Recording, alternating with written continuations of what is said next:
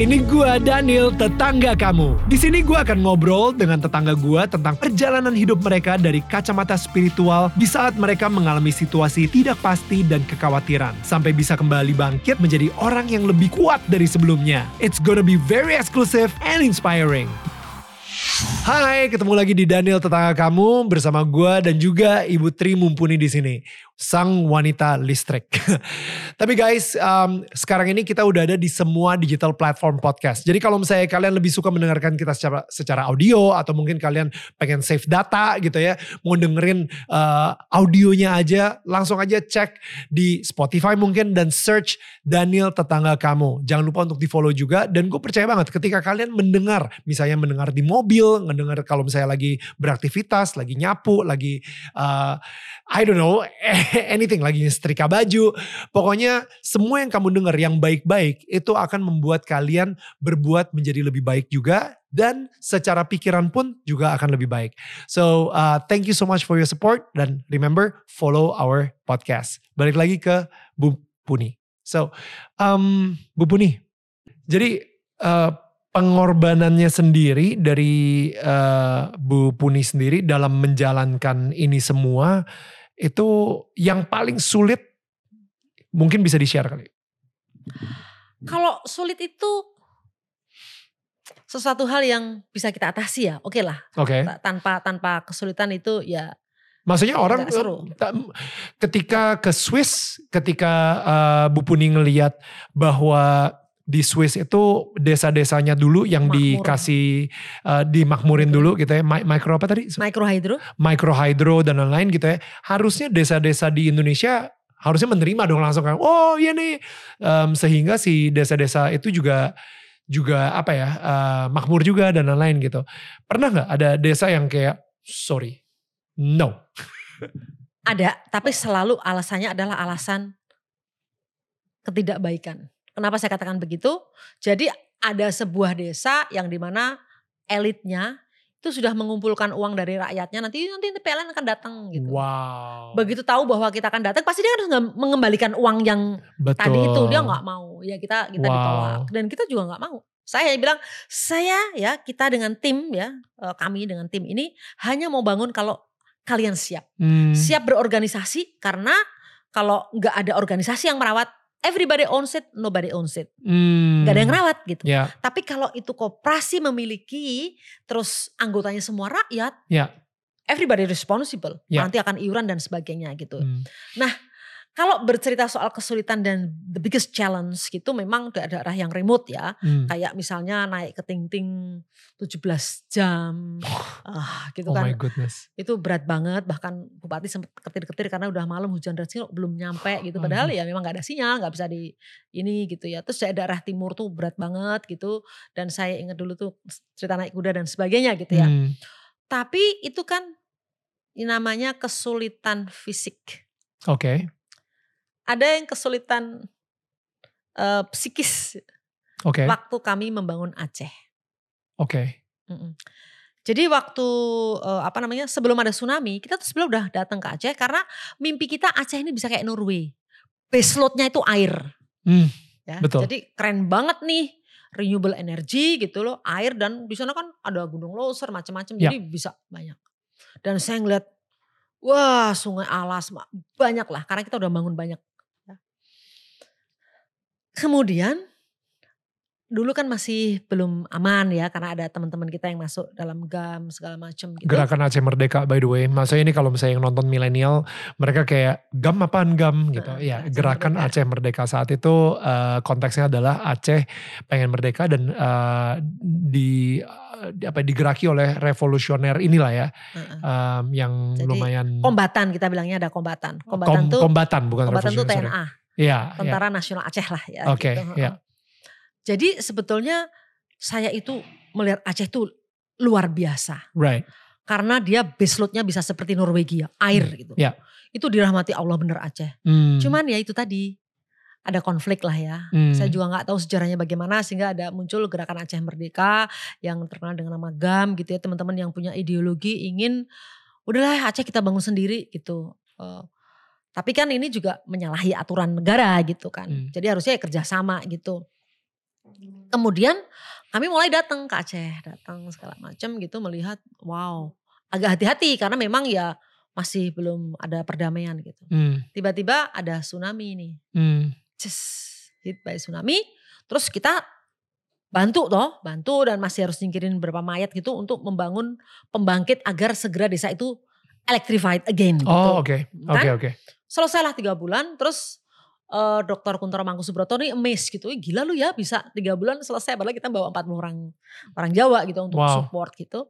Tapi kemudian kita lupa di tengah-tengah Aceh yang namanya Gunung Loser itu 17 jam dari Aceh. Mhm. Ada daerah ya yang satu kecamatan gak ada listriknya. Hmm. Padahal air tuh melimpah banget. Hmm. Dan mereka bilang, bu kami tuh tsunami sehari-hari. Artinya hidup dalam kegelapan gitu. Wow. Akhirnya ada dana trust fund dari eh, rekonstruksi dan rehabilitasi Aceh Nias Trust Fund. Di apa? Didedikasikan untuk membangun di situ. gitu Oke. kan. Untuk bangun. Nah sebelum itu sebetulnya pada saat tsunami tadi. Pak Kuntoro bilang, eh ini ada orang-orang jagoan dari Aceh loh. Hmm. Yang punya kemampuan metalurgi yang keren. Hmm. Ah, saya tahu ini ex kombatan.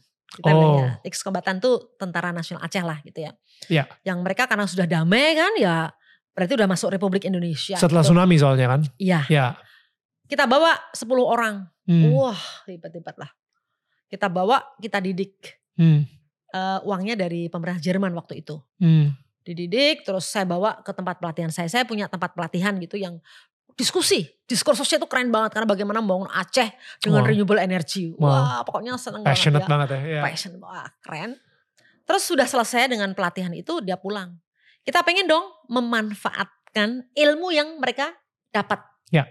sampai di mana nih gitu terus kita aja yuk kita cari potensi dia bilang pak ada potensi yang keren banget di Bate Eli gitu Hmm. sungai Bate Eli kita naik mobil ke sana pagi subuh masih gelap gitu terus selesai sholat kita berangkat terus berhenti di situ aku tuh sebenarnya lagi dapet ya Hmm.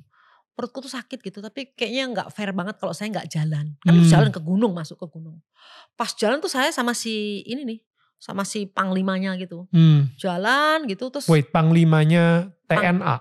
TNA Dia Iya. ta- tapi bukannya harusnya udah damai jadi udah nggak ada lagi si nggak ada tapi mantan lah dia mantan, Mantan. panglima gitu Mantan. misalnya. panglima Oke. tapi panglima kayaknya bukan yang gede yang mungkin region atau apa aku nggak tahu Oke. dia dia very respectful gitu sama Oke. anggota-anggotanya gitu Oke. dia yang termasuk yang dikirim ke Bandung untuk pelatihan di tempat saya juga Oh, Oke. Oke. 10 orang ini. Pas sampai di sana terus saya bilang, ini waktu itu ada uang cukup besar ya, sekitar 50 juta US dollar gitu. Hmm. Minta berapa deh paling-paling untuk bangun 500 kW atau setengah megawatt. Hmm. Terus nanti listriknya dijual ke PLN. Kita pengennya Hmm. begitu. Hmm. Sehingga si teman-teman kombatan ini punya income Hmm. dari hasil menjual listriknya ke PLN. Wah udah seneng, saya tuh udah oh, basah keringetan karena naik ke atas. Terus saya turun duluan, suamiku nyusul belakang. Terus aku ngeliat suamiku tuh pulang sama si komandan itu, aku udah sampai di sini. Begitu suamiku sampai di mobil gabung dengan aku, tiba-tiba dari semak-semak tuh muncul pasukan itu. Ada yang bawa AK-47, bawa golok segala macem. Terus mataku ditutup, mata suami ditutup. Terus kita dicincang, apa dicancang ya. Di, Waduh, kok cincang berarti udah gak di sini lagi. Sorry, di di di di Diikat. diikat, diikat. Nah, diikat Oh kaki my- diikat, oh, kok Oke. cincang, cancang orang bahasa Jawa juga itu ya. Terus eh, apa namanya masuk ke mobil, mobil kita itu. Bentar, bentar, tiba-tiba itu itu kejadiannya malam atau siang?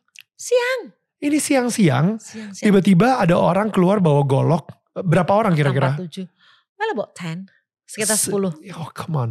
10 orang bawa senapan AK-47 gitu. Mm-mm. eh, golok. Terus segala macam lah. Oh my goodness. Terus pas itu tuh saya masih ah ini April Mop nih gitu ya.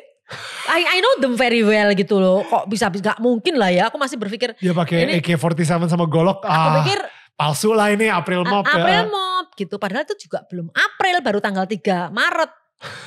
Ya gimana ini bukan April Mop? Ini luar biasa sih. Ini berprasangka baiknya terlalu berprasangka baik. Baik. heeh. Terus begitu aku ini dua jam muter-muter-muter. Pas sudah dibuka udah di tengah hutan. Terus suruh jalan. Well, this is it. Ini serius ini. Bukan ini lagi. Gue diculik. Gua diculik nih gitu. Terus dibawa ke situ. Suamiku ditanya nomor PIN credit card. Hmm. Zaman dulu nggak kayak sekarang ya Om ya. Hmm. Zaman dulu itu kita nggak pernah hafal pin kredit card, wong Hmm. tahun 2000 something, Hmm. tanda tangan kan. Hmm. Dikira suamiku tuh nipu. Aduh. Dipukul, jatuh dia. Aku teriak gitu kan. Terus Ini dengan orang yang sama. Maksudnya si ex panglima sama ex yes yang kita latih. yang dilatih dia pun juga ada di situ ikut mukul juga, ikut Oh mukul. juga. Yang mukul polisi yang tidak ikut. Yang lainnya tuh nggak berani mandang mata kita. Karena Nggak mereka berani. pernah dilatih kan. Pernah mereka dilatih dan punya makan di rumahku, aku ajak ke Borobudur, aku ngajak ngeliat pengecoran di mana di Ceper, Klaten segala macam. This just part of our family aku mikirnya gitu. Oke. Ya. Oke, sorry. Jadi Oke. uh, suami dipukul. Jatuh terus aku kaget terus mau dikubur satu lubang berdua atau masing-masing. Waduh Tuhan. Aku agak agak gini ya, agak oh my god this is real gitu kan. Hmm. Terus waktu aku nungguin gitu kan, terus mereka pergi gak tahu ke mana aku yang aku paling gak tahan tuh, tapi mereka baik. Aku dibawain nasi padang, aku inget banget. Disuruh makan dulu karena udah jam satu siang tuh, makan dulu gitu. Gue gak habis sih. Terus eh, aku yang Iyalah mana nafsu. Eh, eh. yang penting jangan lemes, jangan sakit gitu ya. Hmm. Bahaya kok digendong-gendong kan gak enak gitu ya. Jangan menyusahkan mereka juga gitu. Nanti kok ini nyusahin terus dibuang gitu kan gimana gitu. Iya. Tapi saya itu, itu yang buat saya bahagia. Tuhan itu memberikan saya rasa acceptance yang tinggi banget. Tingkat kepasrahan yang luar biasa. Kalau emang waktuku berakhir di sini, jadi waktu ditanya, mau mati di sini, Mas?" aku agak anu juga nyolot juga ya karena I know them gitu kan. Aku langsung ngomongnya gini tuh. Jodoh, rezeki, dan mati itu yang punya Tuhan. Yang punya Allah aku bilang gitu. Wow. Jangan nama Allah di sini. Dia gitu. Dia kayak Hmm. kesel banget gitu ya. Oke. Ya. Anyway, to make it short gitu. Sampai malam aku dibawa ke mana-mana ini endingnya mau apa gitu. Dia katanya aku bisa, aku tahu rumahmu izah saja gini. Saya bisa nyulik anakmu gitu. Terus Aduh, iya aku aku sempat sedih ya, sempat sedihnya gitu. Anakku yang satu udah di udah di Toronto, udah di Hmm. Kanada gitu, udah kuliah gitu. Yang ini yang masih di Indonesia ada dua gitu. Hmm. Anakku yang cewek-cewek dua itu udah aman lah menurutku, udah udah sekolah udah oke gitu. Aku cuma mikir yang kecil nih, cowok bandelnya setengah mampus gitu. Siapa yang Hmm. ngerawat dia gitu ya. Aku, aku, Hmm. aku agak sedih gitu. Terus Hmm. tapi waktu dia ngomong gitu, aku bisik. Waktu sibuk itu aku bisik sama aku. Mas, kalau kita harus berakhir di sini, kamu ikhlas gak?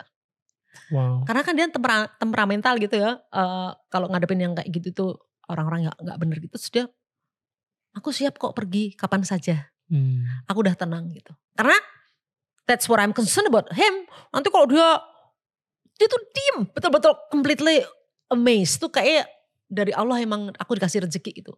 Biasanya kan yang dia tuh kalau ada yang nggak bener tuh dia di depan Hmm. yang untuk ini nggak bener nih. Terus tapi kadang-kadang suka emosional gitu kan. Kalau ngelawan mereka kan Hmm. mubazir orang mereka itu dilawan gitu. Jadi Hmm. aku tuh yang jawab kayak tadi gitu. Terus dia ngomong teriak tuh. Saya tuh benci orang Jawa gitu. Mampus gue pasti habis nih karena Hmm. kita orang Jawa. Saya benci militer gitu kan. Suamiku pasti mati duluan dia nanya jenderal pasti mati duluan aku mikirnya gitu. Anaknya jenderal TNI. aduh, aduh, pusing nih gimana nih ya gitu. Terus pas udah selesai gitu, aku tuh mikir gitu. Kalau toh aku dibunuh dan mati di sini, saya pikir ini is my destiny is here gitu loh. Enggak apa-apa. Orang kan bisa mati di rumah aja kalau ada gempa kejatuhan atap juga mati gitu ya. Cuma masih ada harapan ini. Tapi mudah-mudahan jasadnya dikirim ke keluarga ya. Jadi biar mereka nggak nggak terlalu sedih gitu. Wow. Ya anyway, terus akhirnya dia minta 2M. Hmm. Oh kita udah sampai apa ngelewatin sungai dan di situ saya kenal satu orang setinggi kamu gitu ya. Mhm. Tapi giginya itu udah udah habis gitu. Hmm. Baik banget kalau mau nyebrang ke sungai itu celana aku tuh dilinting biar nggak basah. Hmm. Sepatuku dicopot terus nanti begitu udah sampai sungai apa udah sampai ke daratan lagi kakiku tuh dielap, Wow. sepatuku dipakein lagi ya, terus eh, celanaku diturun lagi. Dalam hatiku nih aku bilang gini sama sopirnya itu kebetulan staff kita Hmm. orang Aceh asli. Aku udah bisik-bisik. Kalau nanti Allah membuat saya bebas, gitu. itu udah malam, itu udah malam mulai nungguin, mulai nyari siapa orang-orang yang bisa ngirim uang gitu ya. Eh kalau saya sampai bebas, saya akan membawa ini anak orang ini ke kebun. Gue pikir ini kan ah dia nyulik mesti orang susah nggak punya kerjaan, nggak punya duit gitu loh, tak kasih kerjaan. Aku tuh pengen tertawa loh setelah tahu dari si orang Aceh. Bu, itu panglima laut. Dia yang suka membawa senjata dari Thailand, dari Malaysia ke Krunggekeh di zaman itu. Aku tuh ya Allah pun loh. sotoy banget sotoy loh. banget orang panglima laut jadi tukang kebun yang meraja itu aku nggak tahu soalnya kan ya very nice guy gitu. Artinya tuh sampai ngomong ibu anaknya berapa? Dia nanya gitu segala macam gitu. Terus tapi dia dia ikutan diculik juga ya saat itu atau? Enggak dia salah satu penculik. Oh dia salah satu penculik. Jadi maksudnya mau nyoba untuk bikin dia ngerubah supaya uh, dia uh, nice lah nice jadi gitu. nice lah kayak gitu. Uh, uh, karena nice. emang ya iyalah maksudnya nice, nyebrang dia, yang lain-lain kan nggak peduli gitu. Iya, dia tuh iya, iya. nyebrang sampai sepatu abis itu uh, dilapin uh, juga soalnya kalau basah semalam ibu bisa masuk angin gitu. Masih is a, ada human touch-nya gitu menurut Tapi bisa orangnya. ikutan nyulik juga gitu misalnya. Uh, karena oh, itu kan itu kan a group. Ya, ya, ya. If ya. you in a group sometimes itu kan kamu mungkin nggak punya keinginan tapi grupmu begitu. Makanya kan hati-hati milih temen itu kan. Betul. Be careful with your peer group. Harus bener. Ya. Anak-anak kita harus di peer group yang bener gitu. Karena ya itu ya kayaknya buat mereka mungkin udah menjadi sesuatu yang normal. Persoalannya mereka itu unhappy waktu hmm. waktu damai itu. Hmm. Karena si jenderal-jenderalnya gitu ya itu kan pada dapat jatah semua.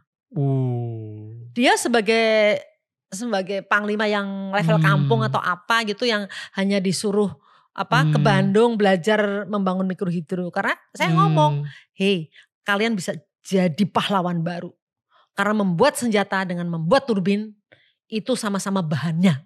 Wow. Yang satu kamu jadi pahlawan karena menerangin desa, yang satu kamu mau siapa yang kamu tembak orang udah damai. Hmm. Aku tuh sempet ngomong gitu. Wow. Pokoknya keren-keren menurutku sih mereka ya. Memang ini. Ini berapa ya. jam by the way? Udah diculiknya itu berapa jam kira-kira? Uh, aku tuh dari mulai pagi sampai jam satu malam baru dikeluarin. Karena untuk ambil duit ya. Si 2 miliar itu? Uh -uh. Oke. Okay. Jadi jadi waktu malam tuh udah negosiasi nih. Karena telepon orang segala macam gitu. Ini Bu Puni juga nih nelfon-nelfonin orang untuk minta duit? Iya. Oke. Okay. Dan aku ada ada ini loh. Ada golok di belakang loh. Oh come on. Karena kalau misalnya sampai bilang uh, uh, aku diculik atau, uh, uh, atau nangis gitu kan yeah. pasti mereka akan ini hmm. I'm finished gitu kan. Jadi saya nelpon udah almarhum juga nggak salah ya dulu deputinya Pak. Oke. Okay. Pak Edi Pak Edi bisa nggak ngirim uang 2 M Oke. Okay. untuk mereka cash. Terus uh, apa namanya? Tadi sempat negosiasi, negosiasi ke. Nah aku sampai sampai ini dulu, sampai Aceh dulu. Hmm. Karena suami kan di siapa yang yang mau dibawa gitu. Hmm. Sampai aku dipisah ditanya anakmu namanya siapa takutnya ternyata kita bukan suami istri kan repot. Lu ambil ambil aja gitu bisa aja gitu kan. Jadi mereka juga kayaknya udah memang udah strateginya keren banget. Ditanya hmm. anak ibu nama lengkapnya siapa? Tak sebutin semua. Oh sama suaminya juga bilang anaknya namanya hmm. sama. Jadi confirm wow. mereka suami istri gitu. Terus suamiku bilang siapa yang mau dibawa? istri saya aja dia lebih pintar cari duit dia ngomong gitu santai banget bener juga thanks to him gitu ya terus sampai di Aceh aku belum belum bisa cuman ngebayang gini Nauzubillah min dalik nok debut gitu ya. Hmm. Gak kebayang dia jadi janda gitu ya. Hmm. Waktu itu kalau aku gak bisa dapetin uang itu. Hmm. Jadi saya nelfon kiri kan sampai dirayu gitu. Bu Puni terus terang aja deh di mana posisinya gini-gini. Enggak, soalnya kalau bawa polisi atau militer kalau terjadi apa-apa dengan suamiku, well Ya. Mati dia gitu lah. Aku nggak mau itu. Jadi on my own effort lah gitu. Ya. Terus saya nelpon ada keluarga hanya terkumpul 500. Hmm. Jadi yang negosiasi itu si ini. Si si yang orang Aceh yang hmm. nyupirin mobil kita. Dia dia staff kita sebetulnya. Hmm. Ke mana-mana lah dia baik banget udah kayak saudara gitu. Terus pokoknya pakai bahasa Aceh aku nggak ngerti. Hmm. dia awalnya kita punya 100 mau gua nggak mau dia 200 terus terakhir mereka banting telepon katanya hmm. bilang kalau nggak ada 500 jangan kontak kami. Besok akan kirim saya kirim kepalanya Pak Iskandar. Oh cuman bilang God. gitu wah itu aku jadi useless banget. Wah gila ini sudah nggak bisa ngapa-ngapain ya restless. Saat itu udah kumpul berapa? 500 Makanya kita tawar menawar itu nah, oh, angka itu. 500. Tapi dan itu keluarga suamiku nggak tahu loh. Oh. Aku bilang no, mama nggak boleh tahu. Mungkin dia bisa Wah, aku tahu relasi dia kan banyak ya. Hmm. Dia, when, when so many big shot dia tahu ah, malah nanti jadi kusut ya, dan dia ya. kan aku nggak enak. Jadi cukup keluarga aku yang tahu. Akhirnya dibayar tuh 500. Lucu bayarnya. Ditransfer ke kita nyari orang yang bisa. Kebetulan saya pernah nolong lah. Uh, ya bukan saya kita lah kita nolong orang yang punya toko obat Hmm. Jadi kita pernah minjemin modal segala macam. Jadi baik banget. Hmm. Pak nanti akan ada transfer ke rekeningmu banyak 500. Ya. Di situ dikumpulkan uangnya, taruh tas kresek, taruh di mobil kita. naik ke atas sekitar ah, hampir jam 2 siang. Uang itu terkumpul sekitar ke sana. Dia, dia bilangnya 24 jam kan belum 24 jam. Udah mau maghrib baru sampai di Biren. Cotring pokoknya anu lah aku inget cantik banget Aceh itu ya. Terus kita ke udah di ini dicegat orang terus di dia naik naik motor itu bawain kita ke poin yang di mana aku bisa ngeliat suamiku turun dari bukit hmm. dan mereka buka bagasi mobil terus si ada duitnya si yang orang Aceh hmm. kalau sampai kurang sepuluh ribu pun kamu tahu rumahnya Bu Puni kamu tahu rumah saya di hmm. apa di Aceh wow please do come ini hitungannya pas banget. 500 diambil terus suamiku nyopir gila dia langsung si Pak Anu disuruh apa istirahat Pak? Pir aku aku udah nggak bisa ngomong aku cuma terus thank you. Aku ya aku peluk dia si yang nyulik itu. Karena dia pernah tinggal sama aku kan. Jadi aku udah thank you gitu. Uh, udah taking care my husband aku bilang gitu. Tapi aku ngomongnya pakai bahasa Indonesia ya. Terima kasih ya udah ngerawat Pak Is aku bilang gitu. Hmm. dah pergi. Tahu nggak apa yang dikatakan suamiku kita masih punya satu project lagi di tengah-tengah hutan. Kita balik ke hutan ya aku teriak gak! Aku bilang gitu balik ke Jakarta. Jadi kita sholat dulu di masjid namanya daerah Matang gitu, kita sholat maghrib, terus aku pokoknya aku akhirnya telepon Pak Kuntoro, Pak Kuntoro tolong dong bilang sama dia, let's kita pulang, pulang dulu. Aku udah kayak no way gitu ya, terus pulang terus ditanya gimana mau diselesaikan secara baik-baik atau silent operation gini, gak. Mereka itu hanya korban dari ketidakadilan, saya bilang gitu. Terus aku bilang sama sama gubernurnya, aku bilang begini, Pak, mereka adalah orang-orang yang selama ini mendapatkan ketidakadilan. Saya sangat memaafkan mereka dan I don't want gitu to give any revenge gitu. Pokoknya saya betul-betul memaafkan dia. Terus saya sitir ini, ini seperti zaman Rasul, ya. Betapa dia dibenci sama suku Quraisy gitu ya. Tapi dia memaafkan, malah akhirnya banyak yang masuk Islam, saya bilang gitu. Jadi biarkanlah tidak pernah ada kejahatan itu selesai dengan dibalas dengan kejahatan. Kita harus stop di sini kejahatan itu. That's it. Saya, you know, honestly betul-betul dari hati yang paling dalam memaafkan mereka dan lupakan. Itu memang rezeki mereka. Yang kebetulan saja harus lewat dari saya. Bilang itu. Yang lucunya adalah waktu saya bawa uang 500 juta itu, suamiku nggak tahu kan karena dia belum tentu dia turun Terus dia ngeliat orang bawa, wah gila juga ya istri gue gitu. Dalam sehari dapetin 2 M. Terus udah udah santai dia. Berapa? Gila kamu dapet dari mana 2 M? 500 juta hargamu. Aku dia, dia ketawa. dia ketawa. Gak jadi 2 miliar mas. Aku ah dia ketawa. Seru banget nih gitu ya. Terus akhirnya aku pulang. Tapi si gubernur marah kan karena ngerasa orang mau berbuat baik untuk Aceh kok gitu. Aku jadi takutnya aku trauma gitu kan. Saya dipaksa untuk balik ke Aceh. Dia nyopir sendiri loh dari Aceh sampai ke Biren itu dipertemukan sama yang nyulik kita. They have to say sorry to us. Uang gak balik gak apa-apa tapi kamu harus say sorry ke Ibu Puni dan Pak Is gitu. Mereka si komandannya gak mau. Tapi aku lihat polisinya udah dipukulin sama si ini. Hmm. Sama si uh, gubernur itu. Aku kok kayak manu ya. Hmm. Kayak mafioso gitu kok. Hmm. Terus ibunya Pak Gubernur tuh datang cuk cuk cuk. Ada apa sih nak? Baru saja damai kok sudah ribut lagi. Enggak bu enggak apa-apa. Aku bilang gitu. Hmm. Aku ingat banget ih si ibu yang baik itu ya. Udah that's it terus ya akhirnya aku datang ke mereka. Aku datang nyalami mereka masih bawa aku 47. Aku datang aku salami. Udah aku udah maafkan kok lupakan yang lalu yang lalu kita move on melihat ke depan. Please do good for hmm. your future. That's it gitu. Saya terus pulang, aku pulang lewat Medan kan kan udah tengah-tengah kan ya itu buat saya pelajaran yang saya ambil adalah saya sempat apa ya jadi kayak trauma dulu kalau kita bangun gitu bangun pas di Sulawesi di mana pasti ada yang naik motor cucuk-cucuk datang bu dua jam dari sini di sana ada potensi loh bu tolong dong dilihat siapa tahu nanti ada yang membiayai juga hmm. gitu aku langsung tanpa ngeliat kiri kanan plek bonceng hmm. terus ke sana mau tretin nanti balik aku cerita sama suamiku gini-gini tapi setelah Aceh? setelah kejadian itu ada yang datang sampai orang itu begging-begging banget. Aku nggak mau, kan kasihan ya dalam hatiku. Terus muncul ininya gitu loh, uh, distrustnya. Gue ini. Nanti gue diculik lagi. Hmm. Ntar gue diculik. Bahkan waktu formal saya mengunjungi pembangkit yang mau kita perbaiki di Lampung pun, itu waktu naik mobil gitu, terus bisik-bisik sama satu direktur dari ESDM, Dek ini bener ya kita mau ngeliat pembangkit, jangan-jangan nanti hmm. kayak Dek Puni, hus aku bercanda gitu, mereka kan hmm. sampai candanya jadi kayak gitu gitu. Tapi terus saya mikir, ini kayaknya harapanku ya, the ultimate test from God. Ini betul-betul ujian yang paripurna lah mudah-mudahan dari Tuhan. Ya. Untuk bertanya kepada saya dan suami, benerkah hidupmu untuk mereka? Bahkan untuk orang-orang yang udah ya. memukul suami dan menculik. Iya, untuk mereka gitu. Jadi aku terus sadar bahwa saya I, I cannot give up. Aku harus melangkah maju dan itu anggaplah sebagai well, it's a small black chapter in my journey gitu ya. Hidup ini kan prinsipnya spiritual journey sebetulnya. Hmm. Jadi dalam salah satu titik itu aku merasa bahwa ada black chapter ya udah ya itu udah lewat gitu loh. Itu juga terjadi karena kehendak Allah. Kalau Allah nggak menghendaki juga nggak akan terjadi.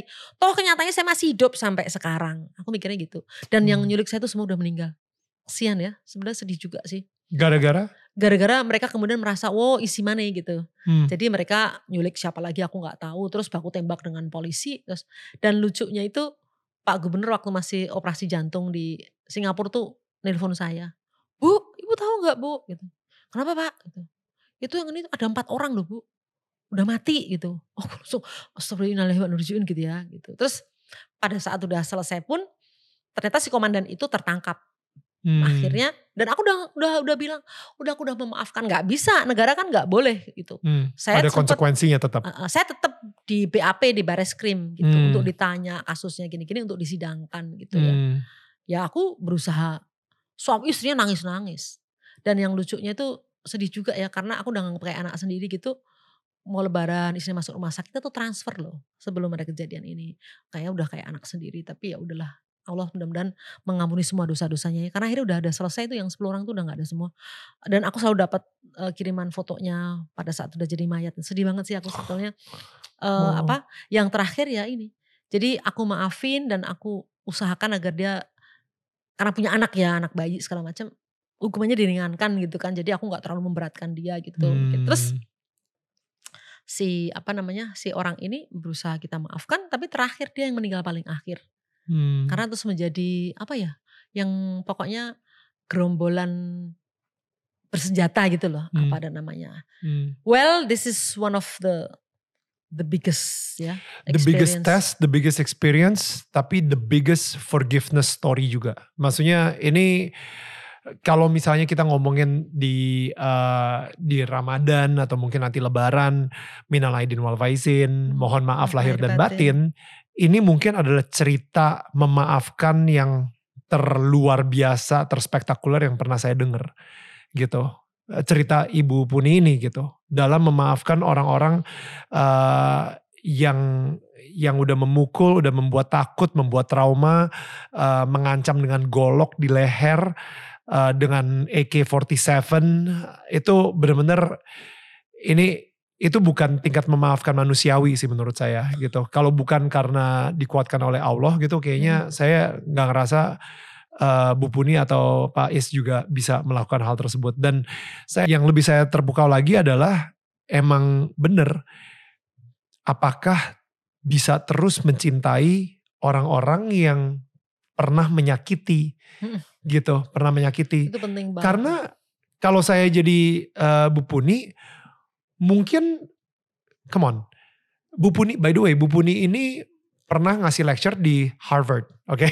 jadi um, ngasih lecture di mana-mana sangat uh, you know terrespected banget uh, globally dan kalau saya jadi Bu Puni ya dengan skill, dengan knowledge, dengan semua yang saya punya, saya lupain tuh desa-desa.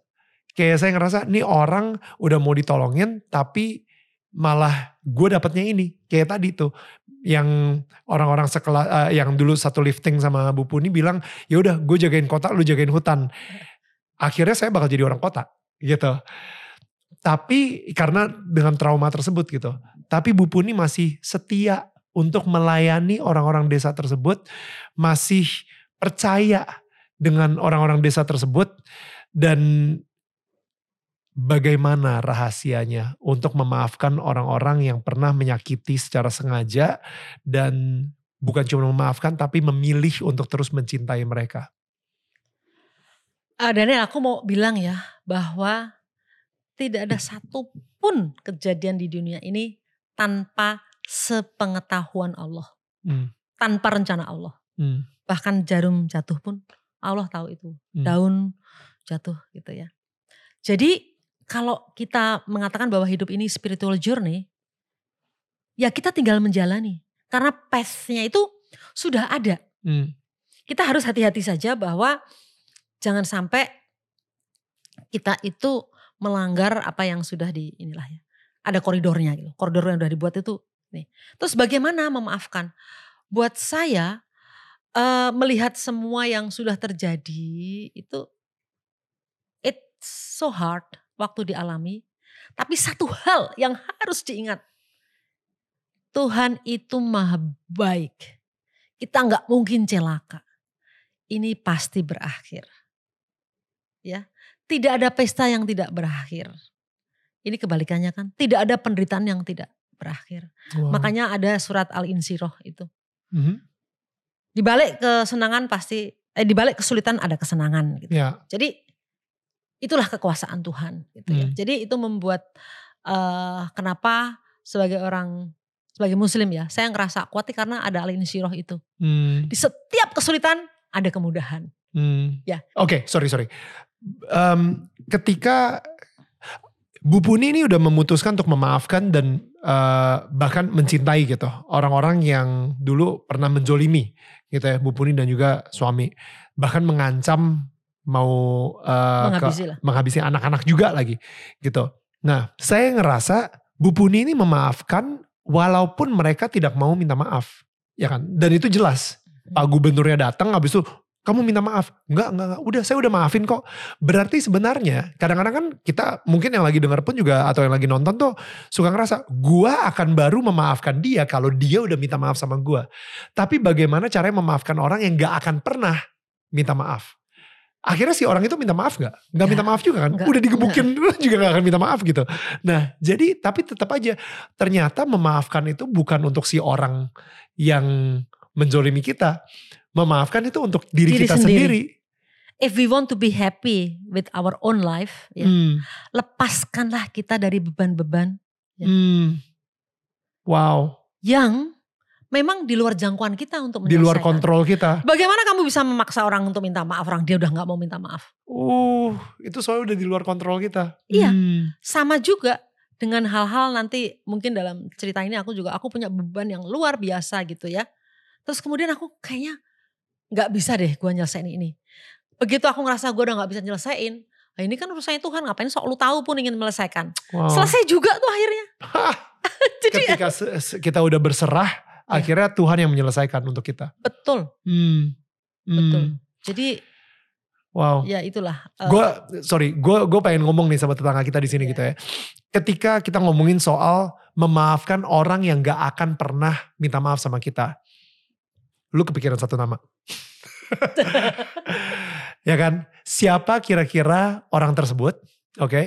Dan kalau misalnya lu dengerin ini, berarti ini bukan kebetulan kayaknya Tuhan lagi pengen ngomong sama lo untuk memaafkan orang tersebut. Walaupun orang tersebut tidak akan pernah dalam hidupnya minta maaf. Karena sebenarnya memaafkan ini sebenarnya buat lo. Bukan buat orangnya gitu. You know? Dan dan orang tersebut kalau misalnya dia gak minta maaf ya udah itu urusan dia sama Tuhan. I agree. Urusan kita sama Tuhan adalah tugas kita, kewajiban kita untuk memaafkan dia gitu. Dan kita harus punya kredo ya di hati. Pokoknya dalam hidup itu berbuat baik sajalah. Berbuat baik. Terus kalau ada orang yang jahat sama kita gimana? Seringan tanya gitu. Hmm. Itu bukan urusan lo. Itu urusan Tuhan sama semesta gitu. Wow. Jadi kalau kita berbuat baik, percayalah. Ya. Bahwa nanti hal-hal baik itu akan terjadi dan datang pada kehidupan kita. Hmm. And I prove it. Yes. Dan saya sendiri juga ngerasa um, kenapa sih kita harus memaafkan orang-orang yang gak pernah minta maaf sama kita? Karena Tuhan memaafkan kita sering banget tanpa kita sadar. Tuhan memaafkan segala kebejatan kita dan lain-lain gitu. Sering banget. Right? Dan dan kita sendiri juga nggak sesering itu minta maaf sama Tuhan gitu. So I think uh, itu dia kita sebagai manusia ya untuk melindungi diri kita sendiri dari ketidaksempurnaan ya kita sendiri juga harus mengerti bahwa orang-orang di sekitar kita juga tidak sempurna. Makanya sih. kan di dalam Islam sering-seringlah kamu tuh istighfar. Hmm. Astagfirullahaladzim. Itu artinya minta maaf ke Allah. Ya. Hmm. Astagfirullahaladzim gitu. Zikirnya itu astagfirullahaladzim karena kita nggak pernah tahu. Makanya hmm. kalau berdoakan ya Allah ampunilah semua dosa-dosaku. Baik yang ku sengaja maupun yang tidak ku sengaja. Ya. Kan kadang-kadang we intend to do it gitu. Kadang-kadang kita nggak sadar bahwa hmm. oh ternyata hmm. okay. itu menyakiti orang kita nggak tahu gitu. Um, jadi saya keinget banget sih untuk ngomongin soal IBK gitu ya. Kita udah ngobrol soal pengorbanan uh, dari Bu Puni sendiri di IBK dan lain-lain um, sampai di Aceh dan lain-lain gitu kan. Nah sekarang ini uh, Bu Puni itu justru membangun empati dari orang-orang khususnya anak muda, anak muda. di generasi milenials adalah dengan mengirim mereka gitu. Jadi ada programnya gitu untuk mengirim mereka ke daerah-daerah yang belum ada listriknya. Betul. Dan listrik, yang bersih. membuat saya tersentuh adalah ketika Bu Puni bilang suatu saat ketika um, generasi milenial atau mungkin Gen Z atau sekarang ini saya nggak tahu lagi ya untuk koronil misalnya mm -hmm. yang lahir-lahir di uh, masa-masa pandemi corona, kita panggilnya koronil. um, jadi mereka kalau misalnya uh, merasakan hidup di tempat yang tidak ada listriknya dan tinggal di situ selama satu bulan, enam bulan, satu tahun, satu tahun ya, satu tahun. Ketika nanti suatu saat mereka menjadi pemimpin negara ini atau mereka menjadi perwakilan dari negara ini dari rakyat rakyat Indonesia, minimal mereka sudah pernah merasakan dan berempati dengan orang-orang kecil yang tidak pernah merasakan listrik, -hmm. gitu. Nah itu itu it struck a little like a chord ya di di di hati saya gitu. Um, saya ngerasa wow kita ini saya jujur aja emang udah sangat uh, ter kayak katak dalam tempurung itu di mana ya udah ini hidup saya ya itu urusan nantilah. Padahal sebenarnya dua jam aja kita keluar dari kota Jakarta kita udah nemuin kok banyak yang Gak usah jauh-jauh lah di di gunung sini juga masih ada yang belum terlistrik. Exactly. Uh, saya sendiri terlibat dalam uh, organisasi Habitat for Humanity. Saya uh, ah, kita membangun sih. rumah ya. uh, untuk orang-orang yang uh, tinggal di rumah yang uh, tidak layak lah. Tidak layak tinggal. Nah, jadi uh, saya sendiri juga tahu gitu. Itu satu jam bener di hmm. Mauk. Uh, kita udah bangun beberapa rumah di situ dan good. saya ngerasa emang bener. Um, saya terlalu ngeliat Jakarta, Jakarta, Jakarta aja sehingga saya lupa dengan orang-orang yang mungkin uh, masih tinggal di tempat yang tidak layak. Nah, bagaimana cara orang bisa um, ter, tergabung nih? Atau mungkin nih ada ibu-ibu yang lagi, wah anak gue harus banget nih kita kirim ke Sumba selama satu tahun biar dia ngerasain. selama ini hidup udah ada sama pembantunya terus gitu misalnya. Oh, ya, iya, mau mau minta minum itu udah gak ngambil minum sendiri Mbak minum, wah oh, diambilin gitu. Benar, banyak. Lebih banyak. otomatis daripada di Jepang gitu.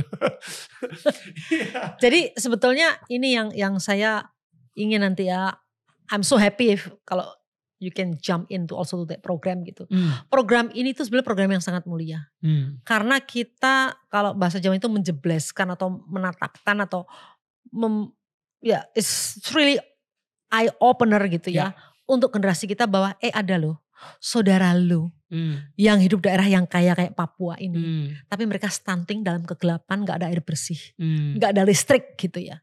Nah, bagaimana caranya agar lu bisa sampai ke sana? Hmm. Nah, proses mereka ke sana itu kemudian kita siapkan mereka dengan memiliki empat kompetensi, hmm. kompetensi keteknisan, hmm. kompetensi kejuangan sehingga nggak hmm. gampang putus asa kalau usahanya belum berhasil ya. akan bangkit lagi, kompetensi kerakyatan berada hmm. di sepatunya rakyat terus kompetensi keikhlasan. Hmm. Ya. Kenapa ini penting gitu ya? Karena dengan empat kompetensi ini kamu bisa memeluk rakyatmu, hmm. memeluk orang-orang yang yang ingin kamu.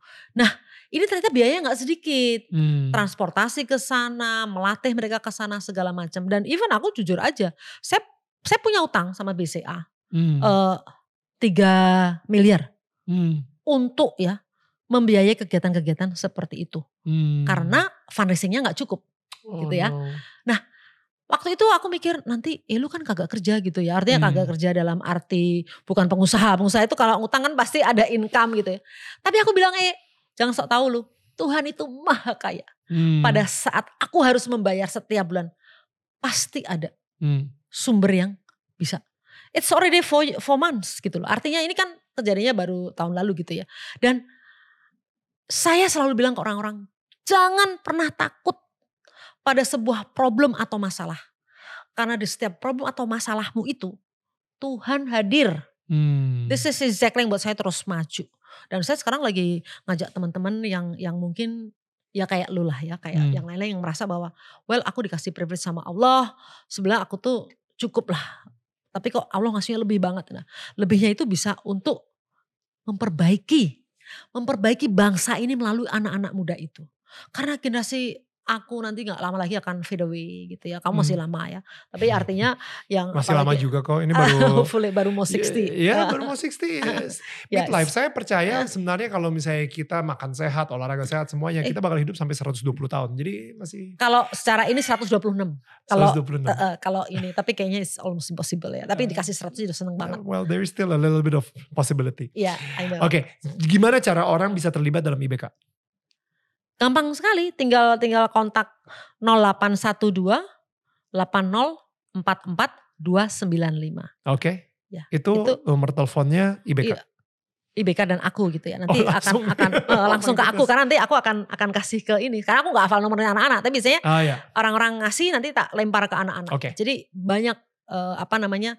Kadang-kadang ada orang tua yang pengen anaknya, gak usah setahun lalu gila dia. Jadi Hmm. Pokoknya dia aja aja gak usah jauh-jauh. Di Subang itu masih ada loh. Hmm. lihat. Rumahnya, tanah, Hmm. segala macem. Dan Em, Instagram ada? ada, ada Trimumpuni. Oh Trimumpuni. Eh, IBK sendiri ada Instagramnya? Ada IBK, pokoknya ibk.id. Ah. Ada lagi Life Learning Farm. Life Learning Farm. Ini yang I would like to invite you to come. Oke, di Subang. Ya serba organik semua. Oke, I will be there with uh, Viola Yes. dan kita ngobrol do. juga sama Pak Is ya. Mhm. I love Dan- that. Oke. Dan podcastmu bisa di sana karena backgroundnya cantik banget. Oh ya, kalau gitu yang episode ini nggak jadi tayang deh. kita ulang semua pembicaraan kita di situ. Dan aku udah lupa jawabannya apa juga. But anyway, thank you so much. Uh, Anytime. ini ada ya sedikit uh, Wow. souvenir dari Thank kita you. ya. Uh, Thank you. uh, Tetangga saling menyangga bukan menyangga. Oh. iya, jadi kita bakal Kamu main-main. juga ya, dapat dapat ini dapat kata-katanya itu loh. Itu Oh, kalau iya. kalau nggak karena merenung yang cukup lama Oh, gitu. iya. Mindfulness. Then you have this. Um, jadi ini rumah Hmm, so cute. uh, bisa dimasukin lilinnya di dalamnya oh, dan so cute. um, rumah ini ya ada logo Daniel tetangga kamunya di situ. Basically rumah Thank you. ini bisa dibilang kayak kayak terang uh, Yes. pelita gitu sehingga di rumahnya uh, Bu Puni dan juga Pak Is itu menjadi terang bagi orang-orang atau tetangga-tetangga di sebelah di sekitarnya. Oke, thank you banget uh, Bu Puni. Sama-sama. Kita akan ketemu di Subang nanti sama Viola. Saya bakal ke situ dan uh, saya pasti bakal shoot shoot tapi di Instagram. J, Iya. kayak gitu. dan harus mau masuk hutan ya.